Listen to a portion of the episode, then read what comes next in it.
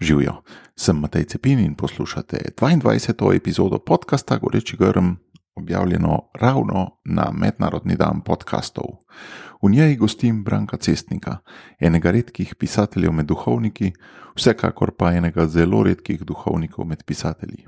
Trenutno, poleg župnikovanja na Frankolovem, piše svoj drugi roman, ustvarjalnost pa iz njega vreše na mnogih drugih področjih.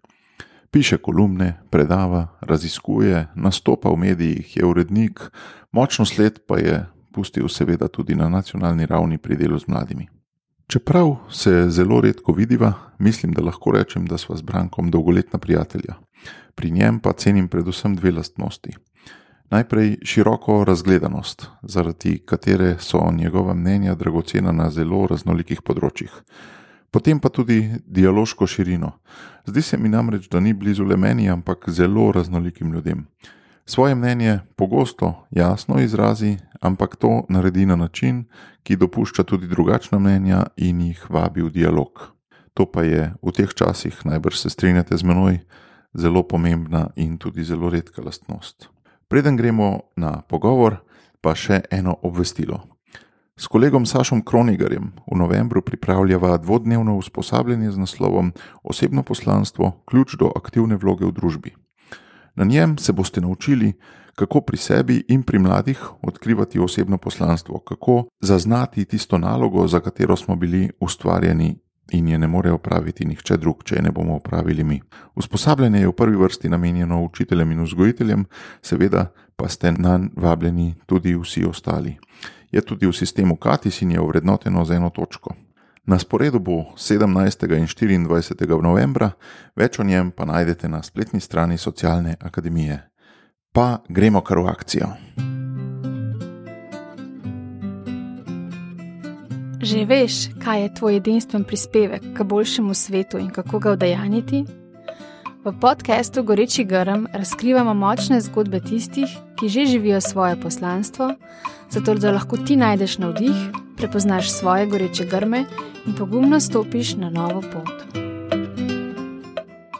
Živijo, Branko, dobrodošel v mojem podkastu. Pozdravljen, Matej. Si edini, kako bi temu rekel, delovno aktivni klaretinc v Sloveniji.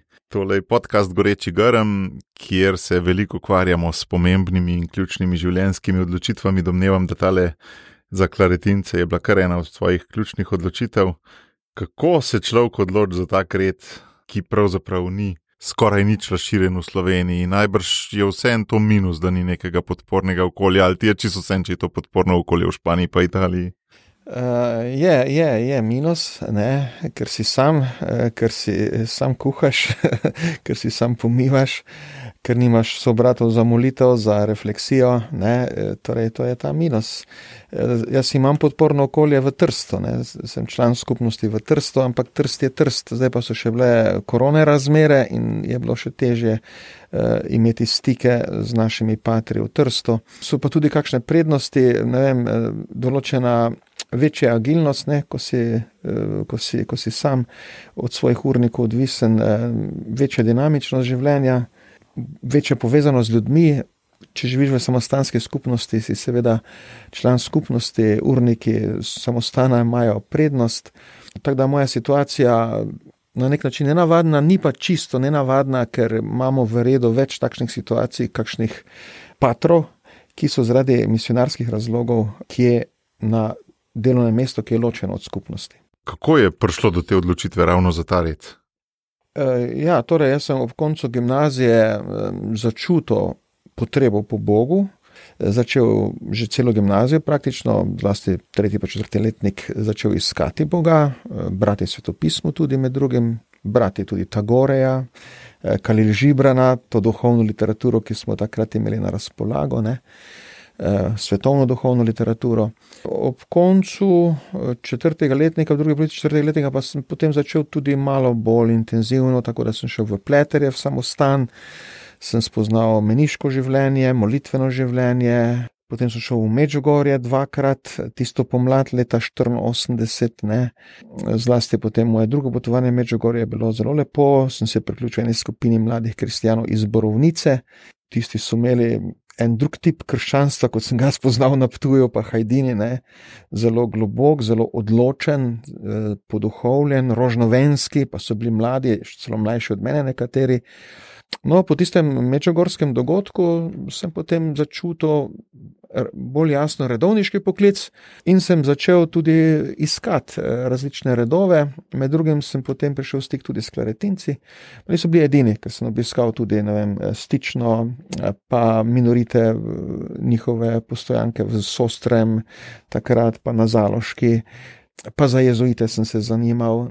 Ampak s klaretinci sem potem nekako ostal povezan Uh, ko sem šel v vojsko, sem si potem z njimi dopisoval, bili so tukaj v Ljubljani na Litijski cesti. Koliko jih je bilo pa takrat? Uh, takrat so bili trije v Sloveniji, oziroma še trije duhovniki, en brat, štirje.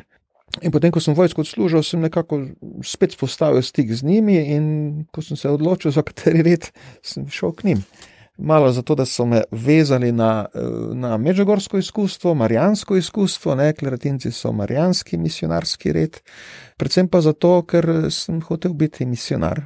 Ne, jaz sem potem eh, začel kar hitro projicirati samega sebe kot misionarja v nekih daljnih deželah. No, tako sem se mhm. zamišljal že kar od začetka svojo pot. Ko je pa ta želja po Bogu v tretjem, četrtem letniku gimnazije vzniknila, ti si bil dosta aktiven tudi druge, ne, na delovnih brigadah, pa v socialističnih strukturah. Ja, ja, jaz sem bil eh, mladinec, eh, trikratni udarnik na delovnih brigadah, sem bil, se vsako leto sem dobil eno udarniško značko, se pravi, sem res pridno delal. Bil sem v Zvezi socialistične mladine na Ptuju aktiven, eh, celo v centru marksističnih krožkov. To je neke vrste katehetski center bil, ne, s katerim smo širili marksizem po osnovnih šolah. A to, to je bil kot en generalštab za vse te krožke ali kaj? Ja, tako je to nekje delovalo, čeprav ni nikoli prav resno zalaufalo. V 80-ih so bile ti, ti, te razne taki poskusi tega socializma s človeškim obrazom, ne, pa neka, neko koketiranje socializma z alternativnimi gibanji, se pravi, da si marksist, pa imaš uhan v ušesu in dolge lase. Ne. Neko zlivanje identitete. Ja, marksizem, tisti, tisti uradni marksizem, eh, socializem, ne, beograjski, bi rekel Titov, nas je tiščal. To je bilo že avtomobile. Ja, eh, smo iskali neko novo pot, neke nove izraze tudi same partizanske zgodbe, recimo, smo že znali jih kritično oceniti, smo se že, se že šušljali o pobojih, pa tak ne. In iz teh krogov, jaz, jaz nimam slabih spominov na ZSMS, na to socialistično mladino. Ne. To je bil podoben val, kot politika, kasnejši. Ja, ja, iz teh ali... krogov sem potem eh, počasi, ampak v teh krogih, vse moj ptujski krog je bil zelo odprt tudi za duhovnost, eh, tudi pove, neka prijateljska povezava s katoliškimi mladinci smo, je več čas eh, trajala, to ni bilo en proti drugim. Ne tako da sem se družil potem tudi s tistimi, ki so hodili k maši. Eh, Drugač pa sem jaz izhajal iz podeželskega katoliškega okolja, ampak zelo tradicionalnega. Ne? In na Ptuju sem pa potem bil bolj v teh meščansko-socialističnih krogih. Teda sem obe te izkušnje v gimnaziji imel. No, in sem potem eh, iz tega počasi nekje začel tipati, vse to me je začelo tiščati, iskati sem hotel globijo resnico v življenju. Prav vprašanje, prav tako sem ga intitiliral, torej na, naslovil vprašanje, kaj je smisel življenja, ne? Bog je ali ni. Čisto pod osvojevskem, ne je Bog ali ni Bog, ne? Od, potem pa se naprej menimo, ne? Eh, je posmrtno življenje ali ni, potem pa se naprej menimo. Eh, te stvari so. To so ti bila tako del vprašanja. Ja, tako. In to sem reševal brez eh, rednega stika s cerkvijo ali pa s krščansko mladino, tu pa tam smo se dobivali, pa se družili kot prijatelji, ne? ampak nisem tega v teh formalnih cerkvenih krogih reševal teh vprašanj, ampak bolj z literaturo, branjem poezije, branjem duhovne literature. E, tako da sem istočasno bral, ne vem, Tagoreja, indijskega mistika, e, svetopismo, Stara zaveza preroki sem, je bilo najljubše eh, teme, pa Sartra, ne vem, ne, eh, Gnus, recimo en roman, eh, ta eksistencializem je tudi takrat nagovarjal. In kdaj si se pa oddaljil od tradicionalnega katoliškega ja, okolja? Ja, tako kot večina slovencev, mladih po Birmi. Po Birmi. ja. Si prav čutil, da je to zdaj upravljeno in da moraš ja, zdaj naprej? Birma, Birma se, če analiziraš nazaj, se razume kot obred prehoda in potem se ne vračaš tisto, kar si od, od, odkuder si odšel. Ne. Tudi eden, ko gre iz osnovne šole, se več ne vrača v osnovno šolo, en osnovno šolec. Ne. Zdaj več nisi osnovno šolec, zdaj si srednji šolec. Isti psihološki trik je pri Birmi, obred prehoda sem naredil, zdaj se ne bom več vračal v cerkveno klop, ne, ali pa nisem več otrok, ne, da bi poslušal, kaj tam pravijo in delal kak, točno, kak rečejo. Uh mhm. -huh. Pri večini je potem ta vzgib pri sveti Birmi. Ne ta ritualni, psihološki moment je zelo močan. No. Ampak nikoli pa nisem imel kakih zamer do cerkve. Sem imel res lepo izkušnjo tudi našega domačega župnika, župnije, tako da je bilo res. Ampak, če si pol predstavljam gimnazijca Brankota pred temi ključnimi vprašanji, kako si si pol odgovarjal na ta vprašanja? Kako si prišel do tega, da je Bog je? Zdaj pravim, na koncu je pa potrebno neki nek, nek dogodek, neko izkušnjo, ki je malo mistično. Ne? To je bilo recimo Međugorje. Ne? Tam si bil kot čisti alternativec, eh, spali smo zaviti v neke preproge, ker ni bilo kaj. Prvo noč smo spali kar na koru od cerkve.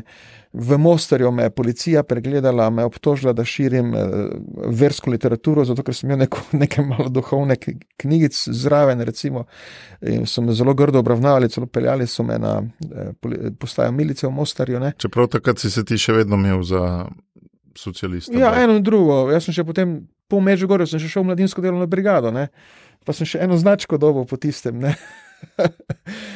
torej, eno in drugo je, tak, je bilo nekje v meni. No. In potem sem počasi dozorel seveda, do tega spoznanja in me zelo privlačilo zlasti kontemplativno, molitveno življenje, bi rekel malo ekstaza. Ne.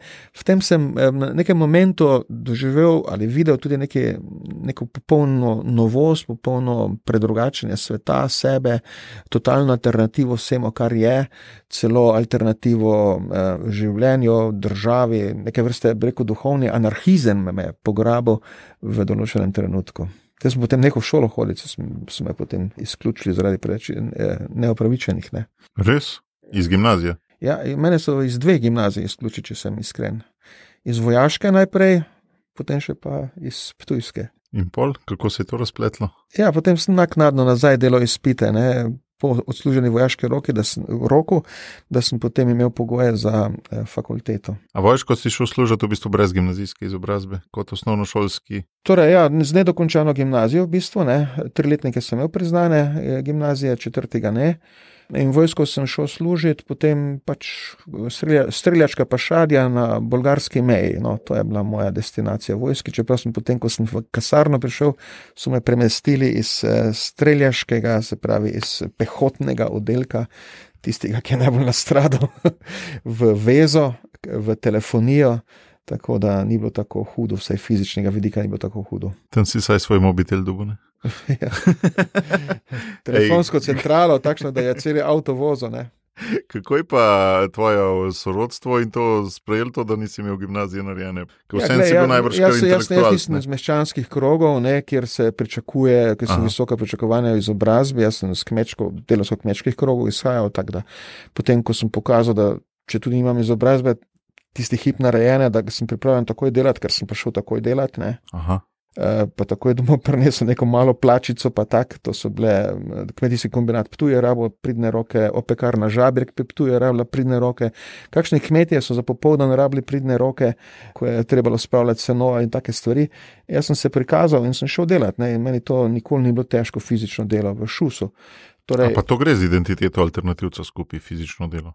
Mogoče danes ne več. ja, dej, ne vem, no, takrat je pa šlo. Meni, meni ni bilo težavno težko fizično delo, pa ne vem, ta gore, pa uh, štarter zvečer pred spanjem. Ne. No, sej, če si pol udarniške značke dobival, ne, ja. res ni problem bil. Ne. Pač jaz sem vzgoja, vzgoja za fizično delo bila pač na podeželju izjemno močna. Ne. Po eni strani je bila naša vzgoja na kmetiji malo liberalna, ker si se lahko potepal. Ure in ure po gozdovih, bila pa strašno stroga, če te ni bilo doma, ko se je delalo. Takrat si pa bil dezerter in si bil kaznovan. Kaj so pa bila obdobja prostih časov? Eh, ko ni bilo dela. Ja, je bilo kakšno pravilo ali čisto? Ja, po žetvi, po, po spravilu sena so bila taka obdobja, ne. V poletnem času so bila tudi taka obdobja, ne. Potem v jeseni, po spravilu pridelkov, je nastalo neko zatišje, lahko pa si lahko šel kaj okrog, k sorodnikom običajno ali pa pohajkovati, ne. Ti, kdo so pa bili potem tvoji zgledi duhovni, ali kakšen svetnik, ali kakšen živ duhovnik, po katerih si se želel delno ali pa v celoti ukalupati? Ja, meni je bil od svetnikov v tem obdobju najbolj všeč Frančišek Asiški. Aha. To kot tujčano ni težko, ker tuje takrat. Imel enih frančiškovih redov. Ja, tam, je imel dve minoritska samostana, pa en kapucinski. Ne. Je bil celi Frančiškov, še, še danes ima ta Frančiškov pečat ptuj. Od domačih duhovnikov pa škofijski duhovnik Pucko Pavel, ki je bil naš župnik, ne, taka tenkočutna duša, pridna. Ti je rad všeč, ali kaj? Ja, on je bil. On je, je bil, bil alternativc ali ti je bil? Ne, on je bil duhovnik, marljiv, delaven, eh, prijazen, eh, ustrežljiv, poslušal je, se posvetil človeku. Takšen duhovnik je zelo klasičen na nek način, ne? ampak vendar presegajoč neko birokratsko duhovniško držo, neki klerikalizem. Tisti duhovnik mi je potem bil res vzor, vse sem ga potem naprosil za mojega novomašnega pridigarja. Mojega. Ta misijonskost tvojega redu se mi zdi, da se pri tebi kaže v tem, da si po eni strani zelo, zelo lokalen, podeželski župnik, na drugi strani pa dosta v stiku s temi evropskimi tokovi, predvsem Italija, Španija in tako. Kako se ti zdi, da te dve komponenti bivata v tebi, kaj dobiš od ene, kaj od druge? Ja, če tako gledam, kot sem že povedal, ne, že v gimnaziji sem eh, znal biti eh, precej domač, ne, lokalen, se pravi, iti na polje, pa delati s kmeti ali pa v, za tekočim trakom dvigovati težko opeko z tekočega traka v pekarni. Eh, obenem pa eh, tudi brati eh, literaturo, hoditi na slikarske razstave in eh, tudi kako pesmico zapisati, ne, pa meditirati svetopisanske odlomke. Recimo, To sem že prej imel in to zgleda, da je potem ta vzorec tudi zdaj ostal. Ne, še zdaj sem tudi komod, ni mi težko biti podeželski župnik, eh, očistiti faroža, zložiti drva, nacepiti drva, zakuriti kamin, poskrbeti za olje, smeti iz košov, vseh skup, pa potem jih ločevati in eh, vse svojimi rokami. Ne. Eh, obenem pa vem, se ukvarja tudi s kako visoko intelektualno vsebino, ne, to, to mi ni težko. Jaz bi celo rekel tako, ne, da to je, bi vsak zrel človek moral biti teh dveh razsežnosti sposoben, se pravi, da mu roke znajo delati. Ne, eh, Fizično in da zna tudi misliti, ali pa se ukvarja z intelektualnimi sebinami. Po vzoru eh, starih eh, kartuzijanov, vsak kartuzijan, ki je bil vrhunski intelektualec, prepisovalec knjig, govorimo o srednjeveškem kartuzijanu in zdajšnjem kartuzijanu, torej kontemplativen človek, eh, človek uma, intuicije, ampak vsak pa mora ob, ob, obvladati eno ročno spretnost, ali si čevljar, ali si tesar, ali si lončar, in obene imaš svojo delavnico, kar zraven celice. E, torej, roke in um, obojno je pomembno. In kaj pa tebi da ta kozmopolitanska dimenzija tebe? Pa kako se to dogaja? To ti pač bereš dnevne tiske, parkrat greš tudi za nekaj mesecev, služiti ali pa let celo. Ne, ja. Kako to? No, torej, jaz sem uh, potem eh, zelo zgodaj šel v Italijo, se pravi, 21-22 let star sem že bil v Italiji. Najprej sem se italijanščino naučil, potem sem se vrnil nazaj, da sem, da, da sem naredil te izpite za nazaj za gimnazijo. Ne. Potem sem pa še kar. Takrat si bil že v redu? Ja, takrat sem že bil v redu. Če nisi imel gimnazije dokončane, si že bil v redu? Ja, se to ni uvira. Uh, jaz sem znotraj reda potem to še delo. Mislim, kot pripravnik, ne, nis, nis, nima še uradnega statusa člana reda. Ne. In potem uh, so me kar poslali v Rim. To pa je bil en preokret, ki ga nisem pričakoval. Jaz sem si že razmišljal tako, da bom enkrat šel v neke misijone, ampak da bom pa že kar na začetku študija šel v tujino, pa kar v Rim. E, tega nisem pričakoval. Ampak so takrat se tako odločili, ker je pač v Rimu se vzpostavila ena študentska skupnost uh, in so rekli, naj tudi jaz kot slovenec pridem zraven. Seveda, Rim pa je Rim, ne? v Rim pa vse pride skupaj in vse, kar češ imaš od tistih spominov na komunizem, ker smo v sosednji ulici imeli sedež eh, četrtne komunistične partije Italije z, z rdečimi zastavami zunaj, ne, do ogromno crkva, eh, nun, eh, zgodovine, narodov vseh koncev, ko pridejo v Rim. Študirati, delati, in naenkrat v letu dni postaneš še manj, v parih mesecih se preobraziš v kozmopolitana, se pravi v prebivalca tega planeta. Ne. ker imaš že na fakulteti sošolce vseh petih celin, iz ogromno narodov. Jaz sem recimo se zelo dobro znašel z Afričani iz vzhodne obale, Mozambik, Zambija, pa s Kamerunci, recimo, s tem sem se dobro našel. Medtem ko pa z Američani, ki so prihajali še sredi novembra v kratkih rokavih in nosili Coca-Colo v roki, nisem nikoli prav skupaj prišel, recimo, ne. pa smo bili sošolci. Ne. Pa z Indici, no, tudi z Indici sem se kar lepo povezal. A če te prav razumem, bi lahko rekel, da ti to leto najbolj poskočila tvoja razgledanost. Tvoja... Ja, ja, in um, tisto prvo leto, gotovo, ne, potem si dejansko si se moral sproti učiti, opazovati ljudi, se jim približati, jih poslušati, kaj ti govorijo, kakšni so. Ne. Tako se z njimi primerja tudi. No. Recimo po prvem letu sem zdravo Marijo znal zmoliti v osmih jezikih. ker sem se toliko družil z ljudmi, pa tako. In potem smo molili v takem jeziku, pa tako in sem se vse naučil. Ej, pa je bilo kdaj zaradi te intenzivnosti tudi težko? E, oziroma, ja, kaj, kateri vidiki so ti bili? Ja, potem je pa recimo na zdravju se pa pozna veliki šok, kulturni, miselni, tudi napor v študijo. Ne? Uh, jaz sem kar nekaj na univerzo prišel mm, z nekimi filozofi. In jaz sem potem na začetku imel prve mesece prebavne težave, ne, močne, tako da so mi začeli dietno kuhati. Uh, se rekli, tako mlad, pa že moraš belo jesti, reče italijani, no, in bianco, se pravi, brez paradižnikove omake. Ne. Torej je bilo naporno, no, tiste prvo leto, psihično tudi, ne, ker si moral. Jaz tudi nisem vedel, kako bom na prvem izpitu. Ne bom sploh skozi prišel, kako bom jaz. Jaz sem še se italijanščine naučil, jaz sem še imel, eh, med, med predavanji sem še imel eh, leksikon, slovensko-italijanski leksikon, eh, mislim, dikcionari, ne, zraven in sem potem sproti si kakšne besede ven prepisoval, da sem se učil še italijanščine med predavanji. In moj prvi spit je bil o Aristotelu, metafizika. To je bil moj prvi spit. Preberi metafiziko v italijanščini in o metafiziki bo izpit se pravi, originalno Aristotelovo delo, debelo, prebrati in v njem bo izpit. Sem, to je bilo za mene, jaz mislim, da umr. Od strahu, kaj bo za to. Ne? Potem sem pa ta izpit naredil, potem se je pa začelo sproščati. Sem videl, da ni taki bav, bav, ne, kot sem si predstavljal. A čutiš v tem tudi neko, se pravi, božjo pomoč, da kako je to možno, da je skoraj mal nadnaravno bilo? Ali... Ja, torej, ja, torej, da si. Um, poslan v neko preizkušnjo, ki pa ni taka, da je ne bi zmogel. No, to se je potem izkazalo. Ne. Čeprav je strah bil veliki, ne, e, tisto prvo leto, vsem tem, ob enem veliki užitki, ker si spoznal cel svet, e, ob enem veliki strah, e, kako se boš obnesel. Ne. Zlasti zato, ker sem tudi imel malo na ptuju te zaznamovanosti. Branko je pa tisti, ki ne naredi šole, Branko pa tisti, ki ne ve, kaj hoče, Branko pa se kar naprej lovi. Sem imel malo slabo samo podobo. Ja, recimo, ne? zlasti tako iz mojega okolja, ne? Eh, tudi z domače vasi so kar zamahnili z roko, eh, Branko.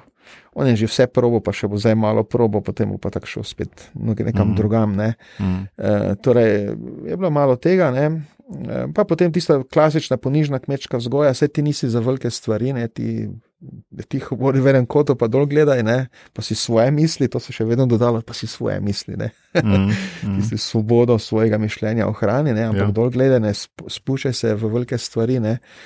Tisto potem je to vse trebalo premagati v tem v letu, dveh, ko sem bil v Rimu, ne, pa se nekako navaditi na neko širino, na odgovornost, na študij, na Drugač si pa kar uh, rad z različnimi ljudmi, z različnimi kulturnimi vzadji, se mi zdi. Ne? Zelo znan si bil pred desetletji, da si bil v Violah velik, potem tudi z različnimi intelektualci, politiki, filozofi. So bile že kdaj po medijih kakšne slike, ob katerih so se kakšni ja, SDS-ovci ja. tudi zgražali. Ja, imel sem kakšna srečanja, gotovo s kakimi eh, ljudmi. Ne, eh, kdaj taka srečanja te vedno obogatijo, zlasti potem, če nekoga, ki ga vidiš veliko na televiziji, spoznaš bolj osebno, ne, eh, po drugi plati in vidiš, da je drugačen, kot ga mediji rišejo in da ima svojo človeško toplino, globino in vse, ne, ni samo ena figura za medijsko obdelavo.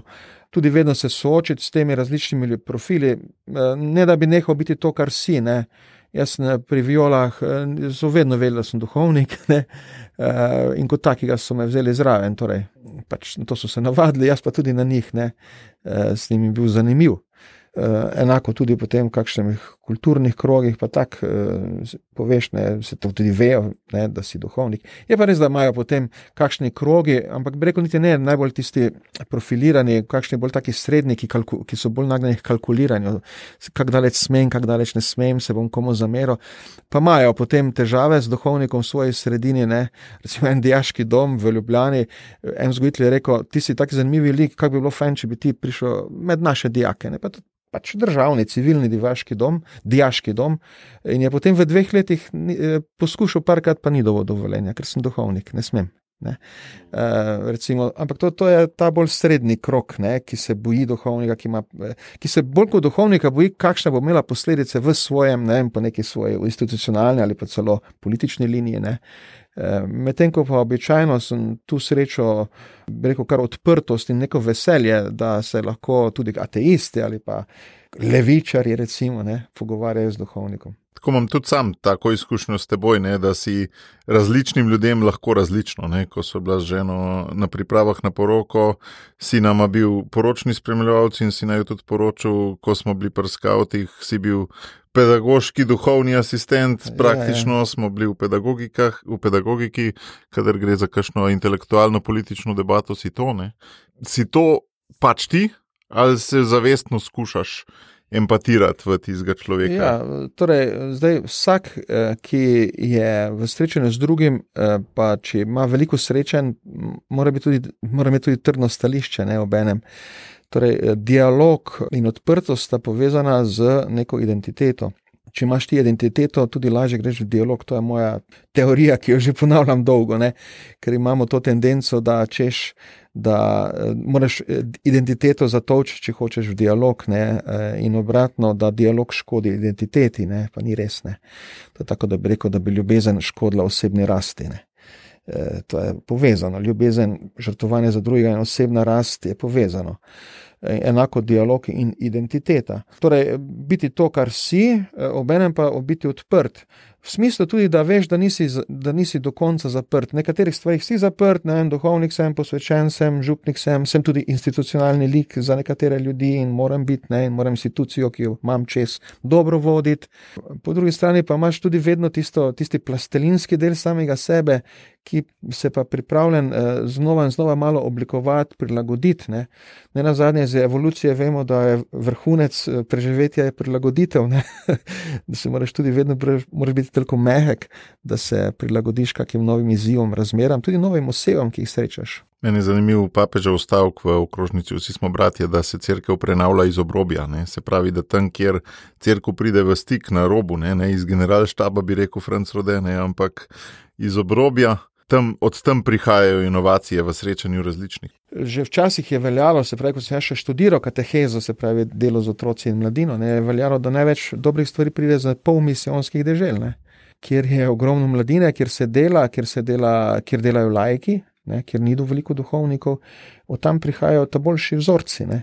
Točno zato, ne, ker eh, so ti vzorci iz življenja, bi rekel tako, vzorci, kako duh deluje v enem občestvu, ne, niso toliko planirani iz generalštaba. In tudi slovenski crkvi, če tako gledamo, ne, e, imamo sicer zdaj neki trenutek naše prenove, dobivamo nove škofe, neki novi ešalon škofov se pojavlja v slovenski crkvi, to bo sigurno prineslo k drugačni podobi in tako. Ampak na koncu bo odločilno dejansko to, kar se dogaja po župnijah, v skupinah, ne, tam, pa, pre, pa v družinah, prenos vere na mladi rod in doživljanje Boga v stiski, kako se obračajo ljudje na Boga v stiski. Recimo, to bo na koncu tisti, tisti cement, veziv tkivo, ki bo novo crkvo zgradilo.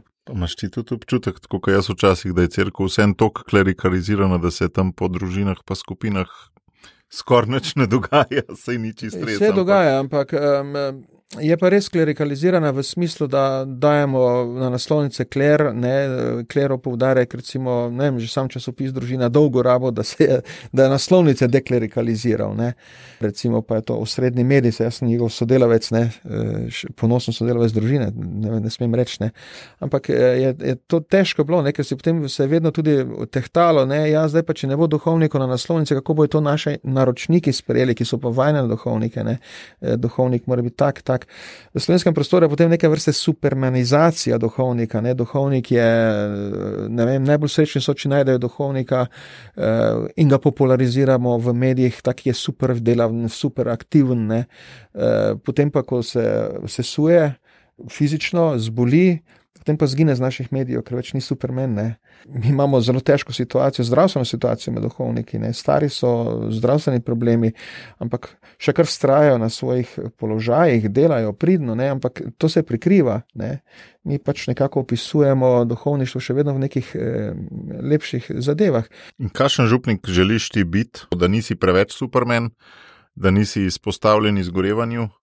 Da se okrog tebe začenja to brbotanje. Kaj je tisti ja, zdaj, jaz sem eh, podeželjski župnik, ne, jaz sem supermen. No, od mene se pričakuje, da sem supermen, ne, to, jaz sem še v tem vzorcu in to je ena mojih eh, porazov. eh, jaz sem si predstavljal, da bodo ti vzorci hitreje minili, ne, pa da z malo dobre volje, da jih bomo presegli, ampak na podeželju je to zelo močno. Ne, torej, če imamo zdravega župnika, ne rabimo katehetov vse imamo njega, kaj pa bo, če ne bodo otroci z župnikom stikov, pa od njega se učili. Župnik mora biti. Ne?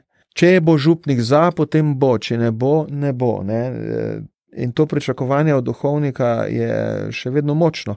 Problem je, ko ena taka župnija, ki ima močno pričakovanje od duhovnika, pa da še ima tudi mladega, zdravega duhovnika, pridnega, ne? da potem naenkrat ostane brez, ker škovka pač premesti in gre v soupravo potem so pa v šusu križevi poti in jok in stokne. Slovenska crkva je tu zamudila kakšno desetletje v teh pripravah, bolj načrtnih, bolj jasnih pripravah. Eh, na zelo preprosto vprašanje bi si morali vse župnije odgovoriti, ne? kaj bo, ko ne bomo imeli več duhovnika in kako se že zdaj pripravlja na tisti trenutek. Ne? A veš, da meni gre pa to vprašanje tok na jedra. A ni pravo vprašanje, kako izkoristiti darove vsakega posameznika, ne glede na to, ali je lajk ali je duhovnik. A ni to že tudi, če bi bilo dosti duhovnikov ja, smiselno in potrebno? Če ne bi bili tako klerikalizirani, kot smo. Ne? Enkrat je papež Frančišek rekel, da smo ene crkvene sredine in slovenska že taka, ne? klerikalizirani tako, da lajki na kolenih prosijo, da bi bili klerikalizirani. Ne? Se pravi, da bi duhovnik namesto njih mislil, namesto njih delal čim več ne? in da oni samo lepo se peljajo na ladjici, ki jo duhovnik veslane. Ta vzorec je pri nas zelo močan, no, in eh, zato pa je mogoče ravno potrebno to šokantno vprašanje, da ljudi malo ozavestimo. Ne? Jaz sem enkrat pripričal, če rečeš na mojega, ne bojo, ga ne bojo niti poslušali, tvojega ja, bojo pa ja, saj. Jaz sem enkrat pri pridigi preprosto z prsti na roke štev župnije v naši dekaniji, ki imajo prazne župnišča. In sem jih naštel od devetih, štiri prazna. Ne, zdaj, zdaj smo že pet. Mhm. Torej, da ni župnik fizično ne stanuje notrene potem ljudje malo poslušajo, in potem jih poslušajo. Ampak potem, ko imamo naslednji srečanje, že PS, pa so spet enako nemočni. Ne? Se še dokler še imamo vas, pater, ne bomo zdaj se s tem ukvarjali. Uh mhm. Strah pred spremembo, oziroma ja, ja. pred izstopom iz to neobdobja. Ampak po drugi strani se pa spomnim, pred ne vem, koliko je zdaj, 20 let ali kdaj si ti to prevzel, Frankolovo. Ja, 18 let nazaj. O, no, sem kar zadev, da si pa prav rekel, da zdaj se pa počutiš, da si v enem naslednjem življenjskem obdobju. Si, jaz sem te tako dojel, kot da zdaj si pa rad v fotor. Nekak, no. ja, to, je, to je pa povezano z službo župnika. Ne? Župnik, ti si dejansko potem eh, duhovni oče eh, ne, eh, večji skupini ljudi, se pravi 1000-1500 ljudi, imaš teritorij ne, imaš neko zagrajeno okolje, za katerega si odgovoren, e, te hiše tam moraš poznati, ljudi moraš poznati, ljudje moraš biti na razpolago, kadar te rabijo.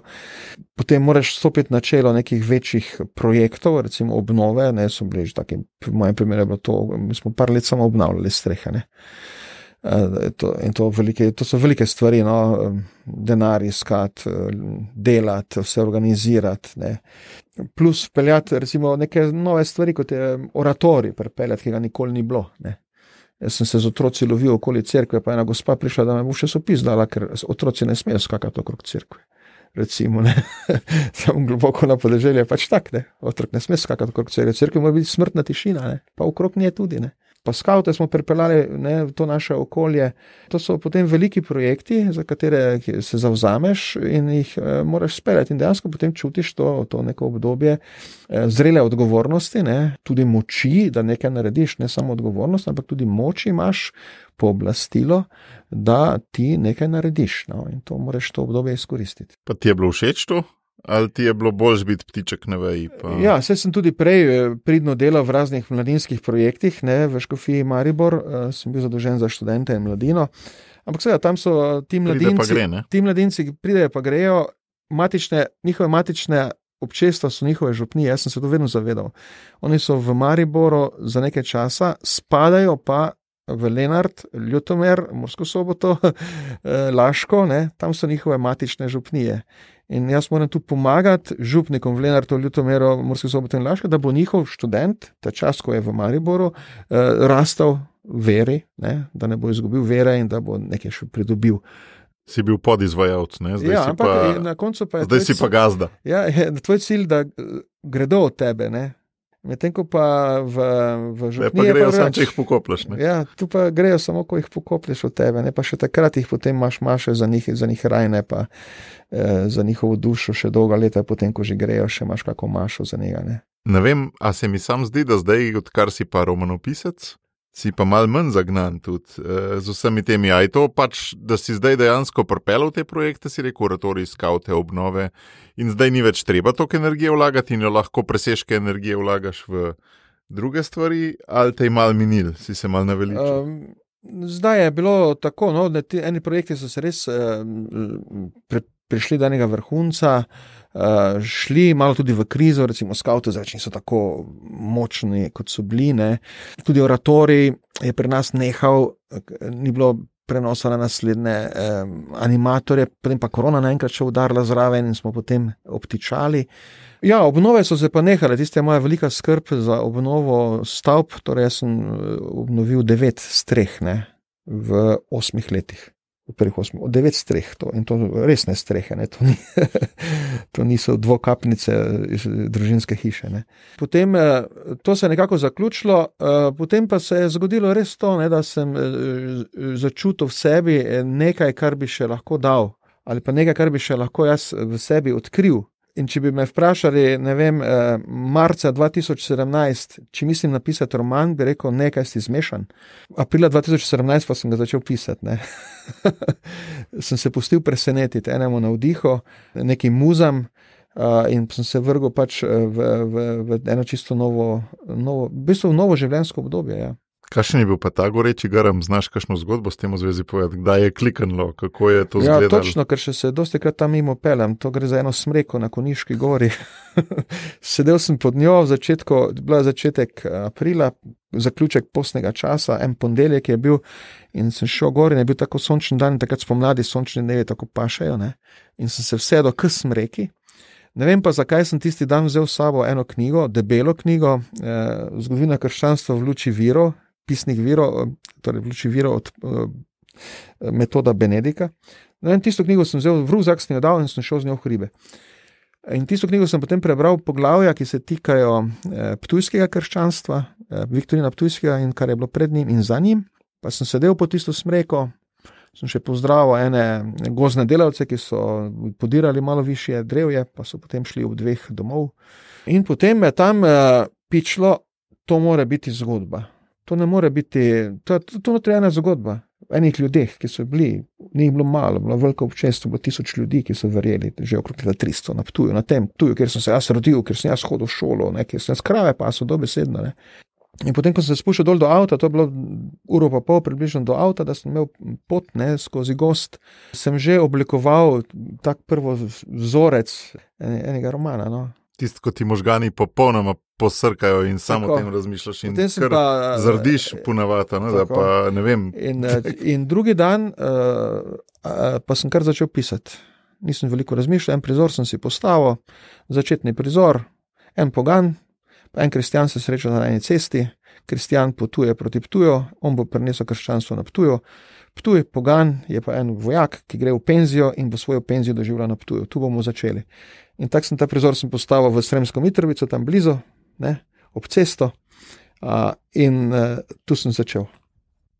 In takrat si že bil odločen, ali je bil to še vedno eksperiment? Si že bil odločen? Ne, takrat sem že bil odločen. Da, potem, v enem dnevu. Eksperiment v smislu še, ne, ker, nisi, ker se nisem nikomer posvetoval.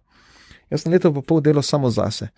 Nihče, razen, eh, razen zakonska skupina in skavtski voditelji, niso vedeli, kaj delam. Na zakonski skupini pa sem mogel povedati, ker je na začetku tisto vprašanje, kako si preživel ta mesec. Ali pa pri skavtih, ne, ko imamo srečanje skupno z voditeljem. Prva točka, kako si. Ne, in potem moraš povedati, da ja, nekaj sem se lotil pisati in zdaj pišem več ur na dan in mi spremenja življenje. In tako sem potem eh, tam razkril. Eh, drugače pa sem delo leto pa pol zase, no in po letu pa pol sem stik stopil z založbo, da sem najavil neki tekst, pa da, če jih bo zanimalo in tako. Pa še to kar na pločniku, ker sem srečal gospoda Simona Ozvatiča na pločniku. Kako pa ti je spremenjalo življenje, kaj si rekel, da ti spremenja življenje? Ja, urniki se začnejo spremenjati, ne s pisanjem. Urniki najprej rabiš, iščeš, eh, loviš tiste, tistih par ur skupaj, ko nisi moten, vsak dan jih moraš najti nekaj ur. To sem našel potem med 9 in 12 ur do povdan. To sem si tako naredil. Potem spremeni se intelektualno življenje, ker začneš raziskovati ene stvari, ki jih nisi še raziskoval, arheologija, antična. Se moraš učiti brati antične napise, se jih ti prebereš, potem prevedene v angleščino, nemščino, pa tako ne, ampak vseeno moraš malo dobiti v feeling. Uh, narisati si, kakšno je, bilo, kakšno bilo okolje, kultura, civilizacija tistega časa. Jaz sem pač obdeloval Rim, Rim, uh, rimsko civilizacijo okrog leta 200. Ne. Dogodke, to vse se učiti, prebrati, kaj je, kako dobro knjigo sem šel v Italijo, sem si kaj kupil dobrega, kakšne dobre članke skupaj potegniti. Ne? In tako počasi graditi tisto okolje, obenem pa zgodbo. In, in, in to je bila tudi ena velika šola. Ne? Jaz zato tudi ta roman, prvi roman Sonce Petovjona, imenujem učni roman. Kako je pa to odklon od biti župnik, pa biti duhovnik, ko vse en, ne, bi nekdo rekel, ste redki pa še tisti, ki ste, greste pol dela druge stvari. Ne? Ker če bi toliko časa namenil uh, popravljanju avtomobilov, recimo, ne bi bilo v redu. Ja. Zakaj pa to pa je? Ne? Ja, eh, prvič, ne, ena zgodba, ki ni povedana. Mene je pač šokiral ta nacionalistični pogled na zgodovino krščanstva v Sloveniji. Ne. Ko da pred vem, krstom pri Savici ni bilo zanimivega krščanstva pri nas in ko da s tistim krščanstvom nimamo nič. To je pa eno antično krščanstvo v Emoni, pa v Petovjoni, pa v Celeji, ne eno antično krščanstvo, pa v okolici Ogleja. Ampak to krščanstvo jaz jemljem kot, da smo mi deliči tega krščanstva.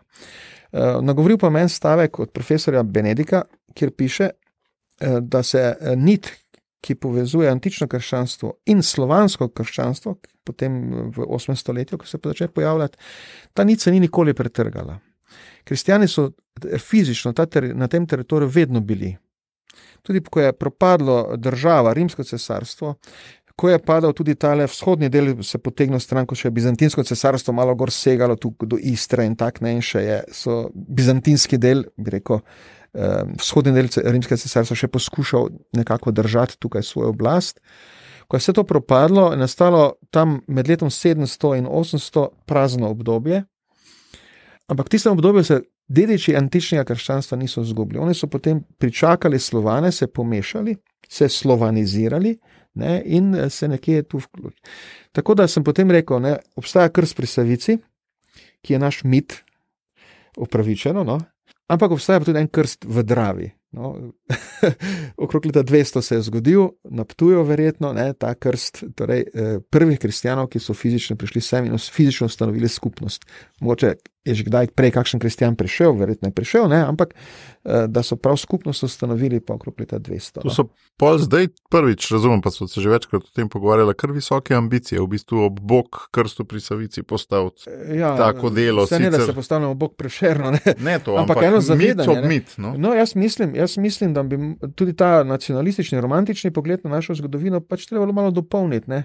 in videti, da eh, mi, naša zgodovina opisuje pa to obdobje pač izhaja iz romanticizma ne? in tistega pojma nacije, ki smo ga takrat dobili s Prešernom, z Blajvesom, Slomškom, ne? Eh, kar je lep pojem nacije, nam je pomagal postati nekaj, ne? ampak seveda lahko pa ta pojem tudi izključujoč. Ne? In ena izmed zgodb, ki je nekje v sencu padla, je prav zgodba o antičnem krščanstvu in o teh antičnih ljudeh, bi rekel, teh le eh, eh, sirotah, eh, osirotelih eh, ljudeh, ki so ostali brez Rima, ne, ki so pričakali slovane. Ne. To je bil en taki, bi rekel, ideološki, v narekovajih, motiv, da sem se te zgodbe še toliko veselje, večjim wow. veseljem lotil. Nisem še tako gledal, vidiš. Ja. Čeprav potem drugi motiv pa čisto oseben, seveda to gre za okolje, ker sem jaz živel. Ne. Naša kmetija na zgornji Hedini je blizu pokopališča, po enih eh, risih, ki naj bi bilo rimsko pokopališče celo na pokopališču. Ne. To sem pa potem bil dolžen nekako, bi rekel, svojemu otroštvu. Mm. In tem kamnom, ki so bili pod mojimi nogami, pa veliko krat nisem za njih maral. Pa še eno podobnost jaz opažam. Janez Evangelist Krek ima dosta podobnih potez kot ti, ne? tudi je z zelo različnimi ljudmi. Se pomenkoval, bil je na nek način aktiven v političnem premisleku, tudi kot socialni delavec ustanavljal veliko stvari in tako naprej. Ne? In bil je tudi eh, leposlovc, ne? tako da to ti je še manjkalo. Ja, no, zdaj eh, največjo socialno gibanje, ne, eh, ki ga je naredil Krek, je pač neponovljivo. Ne. Ampak pri Kreku je bila všeč tista njegova, ne, ko imaš veliki problem, kako bi se ene stvari lotil, imaš tudi rešitev. Loti se, začni. Ne. Samo začeti je treba. Samo začeti je treba. Ja. Tako si ti iz danes na jutro roman začel. Ne? Tako. Ne. Jaz sem rekel, zdaj ga bom začel kar bo bo, ne? začeti pa ga ja, treba. Začeti je pa treba, točno ja. tako. Ej, nekaj me zanima, ker moji poslušalci so tudi ljudje, ki si želijo kdaj nekaj v življenju še. Kar še malo večji cilj izpolniti. In tudi veliko imajo družine, tako, ampak čutijo, da so poklicani še kam drugam. Ne? Kako napisati roman, kako pride do te prepotrebne ustrajnosti, oziroma če mogoče postavim malo drugače, čemu vse si se ti mogel odpovedati na drugi strani. Govoril si, vem, mi že o, o socialnem življenju, da si se mu veliko odpovedal, blogov tvojih je veliko manj. Kako dosež to ustrajnost, kako se disciplinirati, pa čemu se odpovedati? Tako kot pri tistih stvareh, ne, pred, uh, pred tem dejanjem se posvetujete zdravnikom ali farmacevtom. Ne. Nekaj takega je tudi pisanje enega zahtevnega romana, torej je tudi zdravstveno vprašanje na koncu. Ne hitro začneš seveti, trebuh se ti poveša, vice ti slabša. To gre zraven, pač sedečo življenje se pojavi. Ne? Se pravi, te tri davke si zavestno dal. Ja. Trebuh, sivost, pa vid. Evo, tako. E, vse to, to, to nekako pride zraven. In če te potolažem, jaz sem vse tri že plačal, pa še nisem romana napisal. No, imaš pa studio, pa delaš podcaste, pa druge stvari. Ne? Pa otroke imaš, ki jih jaz nimam. Torej, in, tako mimo grede. Ali ni bojem požari, kot da imaš?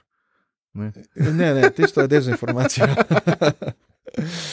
ne, božem požar me je takrat zaščitil, ko je bila tista afera. Ne. On je edini pravi novinar, ki je malo šel preveriti še kaj več kot samo tiste naslove.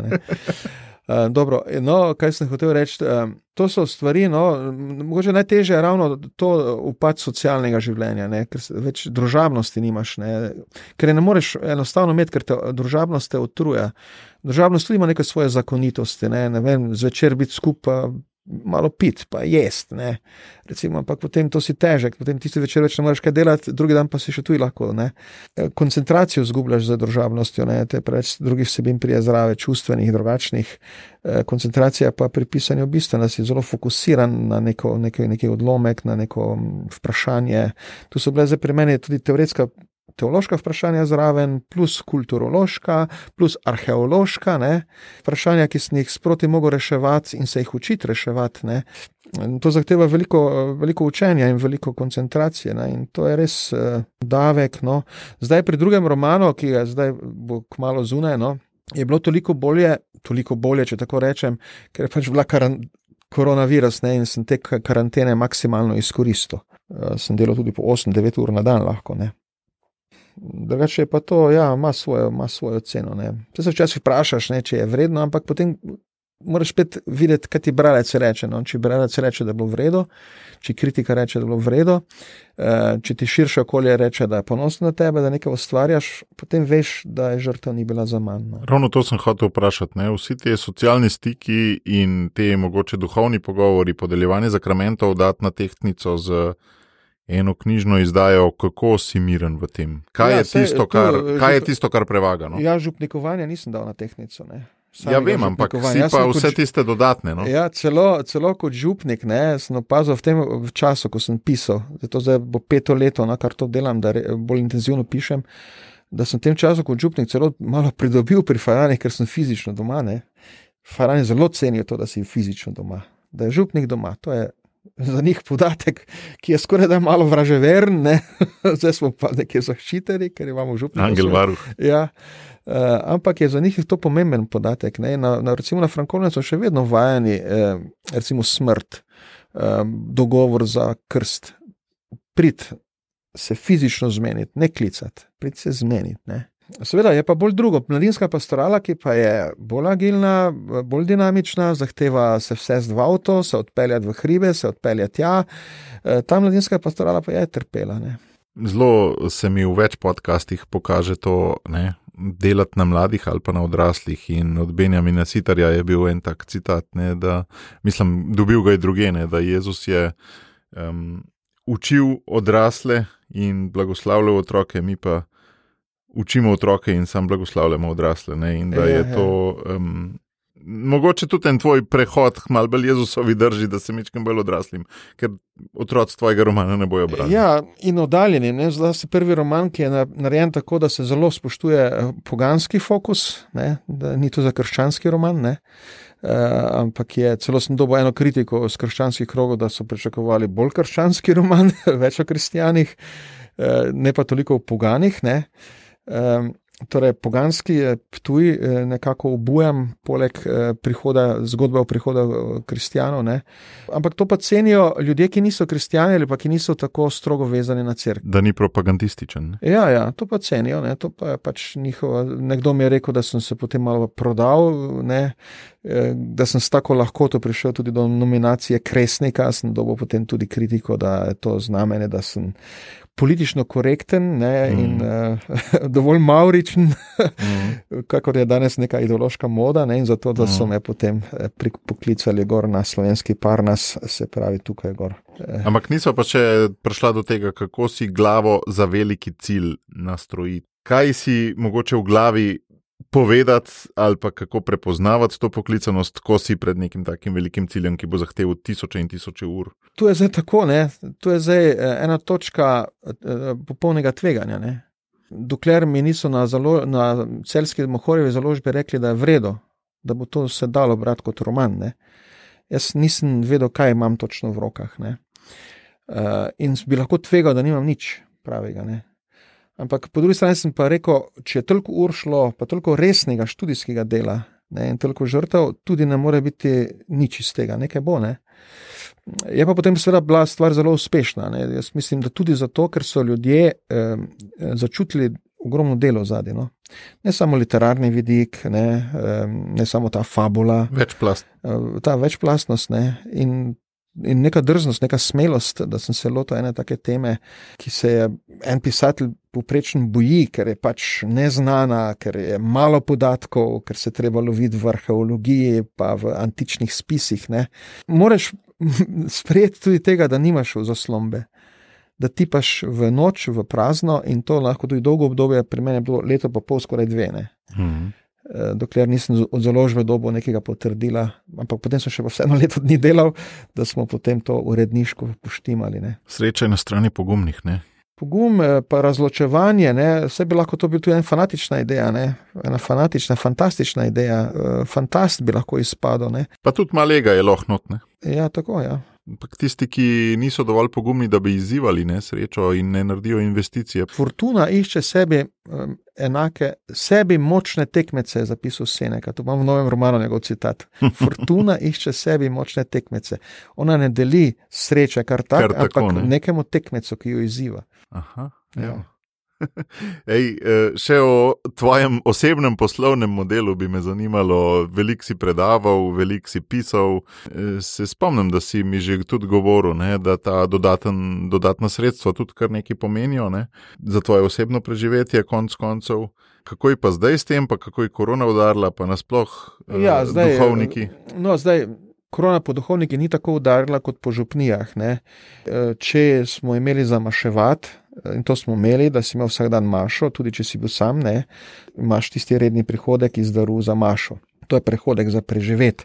Potem med korono smo odkrili tudi to klasično slovensko solidarnost, župniki, da so nam na kljuke obešali solato, pa pečenko, pa to, pa ono, pa mleko domače, ne, tudi ta hrana je bila eh, vedno nekje eh, pripravljena. Ne. Marsikdo, tudi kakšen umetnik, nima takega stika z ljudstvom, kot ga imamo duhovniki. Ne. Ljudstvo skrbi na koncu za te, tudi če bi sramot, mislim, neka stara mišljenja je, da je sramota, če je župnik lačen, sramota za faro in farane. Ne. Jaz pa seveda imam te, tudi te prihodke, ki so z naslova pisanja in tako, eh, tak, da ni bilo težav. Potem še pa država nekaj pomagala, tako da sem na koncu celo se odločil za eno pomoč eh, drugam, no? da sem tisti neki, kar sem prešparo, pa ne rabim, da sem dal od sebe. Da počasi zaključva, razmišljal sem veliko, zakaj me ti kot oseba nagovarjaš. In letos, ko se začenja ta sinoda o sinodi, kjer naj bi se v cerkvi veliko govorilo o tem, kako se pogovarjati, kako do vsega prijeti, kako ne samo en župnik odločitve sprejemati, ampak širše občestvo naj bi iskalo, ne? tudi tisti, ki so krščeni, pa mogoče zelo oddaljeni. Mimo grede, to se meni zdi zelo nerealno za Slovenijo, ampak bomo videli, kaj bo duh dal. Ne? In ugotovil sem, da točno to je tisto, kar ti že par desetletij te vidim, kot da živiš. No? Se pravi, da iščeš različne ljudi se v njih v dialogu, se oplajaš sebe in jih na nek način živiš, uh, živiš to sinodalnost. In to se mi zdi v tem času, ko so družbene delitve tako močne, skozi močnejše, zdaj nimamo več samo za Janša, pa proti Janši, ampak imamo še za COVID, pa proti, pa cepilce, anticepilce in vse naprej. Ne? Da je to tvoje poslanstvo res mainstream ratalo. No? Ja, sej, čeprav tudi moraš eh, zavzeti ene drže, ki so potem v eni situaciji sporne ali pa kočljive. Recimo, jaz sem se zavzel, jaz sem en prvih, ki sem dal na, na Facebook eh, začetku maja, torej že, da sem dvakrat cepljen. Ne? In sem dal na svoj Facebook in sem napisal, pozval naj se cepijo. Naj ne bodo cepci, sem celo dal zraven in to so eni, ljudje so ponoreli zaradi tega. Ne? Ampak so trenutki, ko moraš tudi svojo držo pokazati. Rekel, ja, moj stav je takšen, se ga ne sramujem. In zdaj, če boste me oklofutali, bom povedal, kar mislim. Torej, dajte se cepiti, zaupajte medicini v tem primeru. Ne? Torej, moraš biti pripravljen tudi na eno polemiko, ko je treba. Ne? Načeloma pa eh, človek ne raste iz polemike, ne? človek raste iz pogovora, iz sožitja, iz iskanja kompromisov, iz prilagajanja, ne, ne iz borbe, upora, ampak na koncu iz prilagajanja, da skupaj pridemo, pa se prilagodimo eni situaciji. Ne? To je potem tisto, kar nam eh, da naprej. In to sem jaz eh, zelo prepričan, tudi tako kot slovenec, kot, vem, kot politično bitje, ne, kot državljan, torej, da na koncu bojo Slovenijo naprej pripeljali tisti, ki bojo se znali pogovoriti na sredini, se pravi, ne tisti, ki iz obrobja kričijo, zahtevajo neke irealne zadeve ali pa uživajo v spopadu, ne, temveč tisti, ki bojo znali na sredini se pogovoriti. Preko tako nekako imam podobo naše domače vasi, na sredini vasi je bila ena kapelca, pa lipa, okrog lipe pa miza. Ne. Torej, tam zraven pa eno igrišče, to je bila gmajna, ne, vaška gmajna. Ne. Tja se je prišlo v nedeljo popoldan, nihče nas ni sklical, nihče ni nič, ampak eh, eni so igrali nogomet, eni so sedeli, se pogovarjali, ko pa bil maj, pa še so kaj prikapeli z molno. Ne. To je bila zlata sredina. To je tista sredina, s katero priješ. Oni, ki so pa kaj kovali, pa razdirali, niso tega delali pod lipo. Ti so delali tam za enim plotom ali pa v gostilni, v pol temi. Mhm. Torej, eh, že fizično si imam to predstavo. Torej, ena točka mora biti, kjer pridemo skupaj. In parlament je ta točka, recimo. Ne? To je naša lipa, eh, pod katero se dobimo. Ne? Eh, žal, žal se mi zdi, da zdaj je veliko krepenenja, po končanju spopadov srečaš na levem in desnem to, joj, kako bi bilo prav, da bi se vsi razumeli. In veliko nemoči, da bi to uresničili.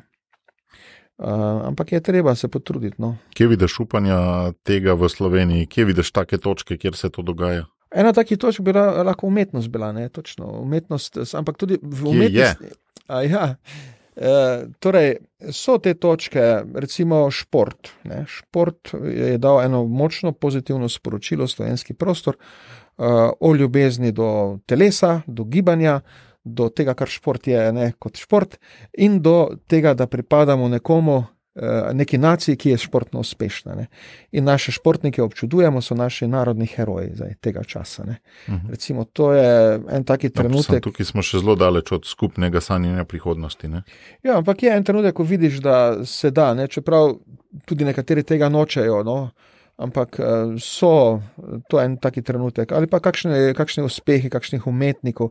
Ampak vidimo, da potem tudi pri umetnikih pride tako hitro, ga potem iščejo, ki je politično postavljen in ga potem eh, poskušajo oprede, opredeliti, pa se meni ukvarjati z umetnostjo, ampak bolj z njegovimi Mhm. političnimi eh, formami. Ne? Ampak tako se mi zdi, da ta simbol lipe, ki si ga omenil, je, da različni pridejo skupaj in so ustvarjajo. Zdaj, le kot primere, si dal pa samo nekoga, ki je pač blazen v, svojih, v svoji niši, in drugi ne pridejo skupaj in so ustvarjali, ampak samo njega častijo. Ja, ja, to je žal pri nas tako. No, mi, mi smo zdaj nekako eh, razdeljena družba ne?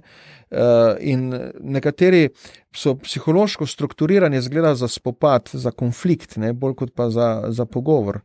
Uh, se tudi v cerkvi imamo to situacijo, se ta cerkev pa družba se tako malo preslikavata. Ne? Tudi v cerkvi imamo situacijo ljudi, ki nočejo dialoga, ki ali hočejo tak ali tak, ali ki so radikalni, ne? Uh, ki ne verjamejo recimo v sinodalnost, ne? v to pogovor na sredini, bi rekel.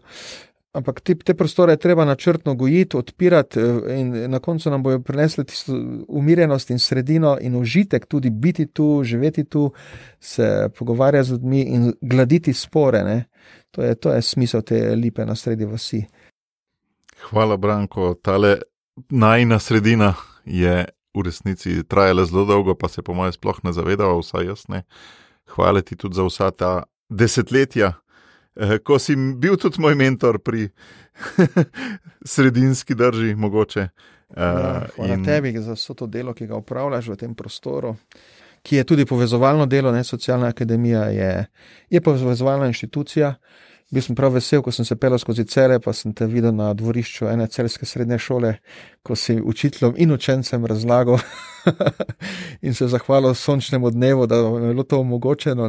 Rekel, je. gledaj, Mateja, vidiš, eh, tudi tu v celju, tudi v državnih inštitucijah je cenjen njegov glas. Gimnazija Cele Center ima fantastičnega ravnatelja, zelo, zelo dialoškega in sredinskega, in mi je zelo užitek. Očitno vas je tam okrog celja, mora biti neka taka točka, da taki rastete. Ja, nasploh štajerska, štajerska eh, to malo z vinorodnostjo verjetno povezano, se vsi deremo, kregamo drug čez drugega, potem pa rečemo, eh, zdaj pa gremo na špricer.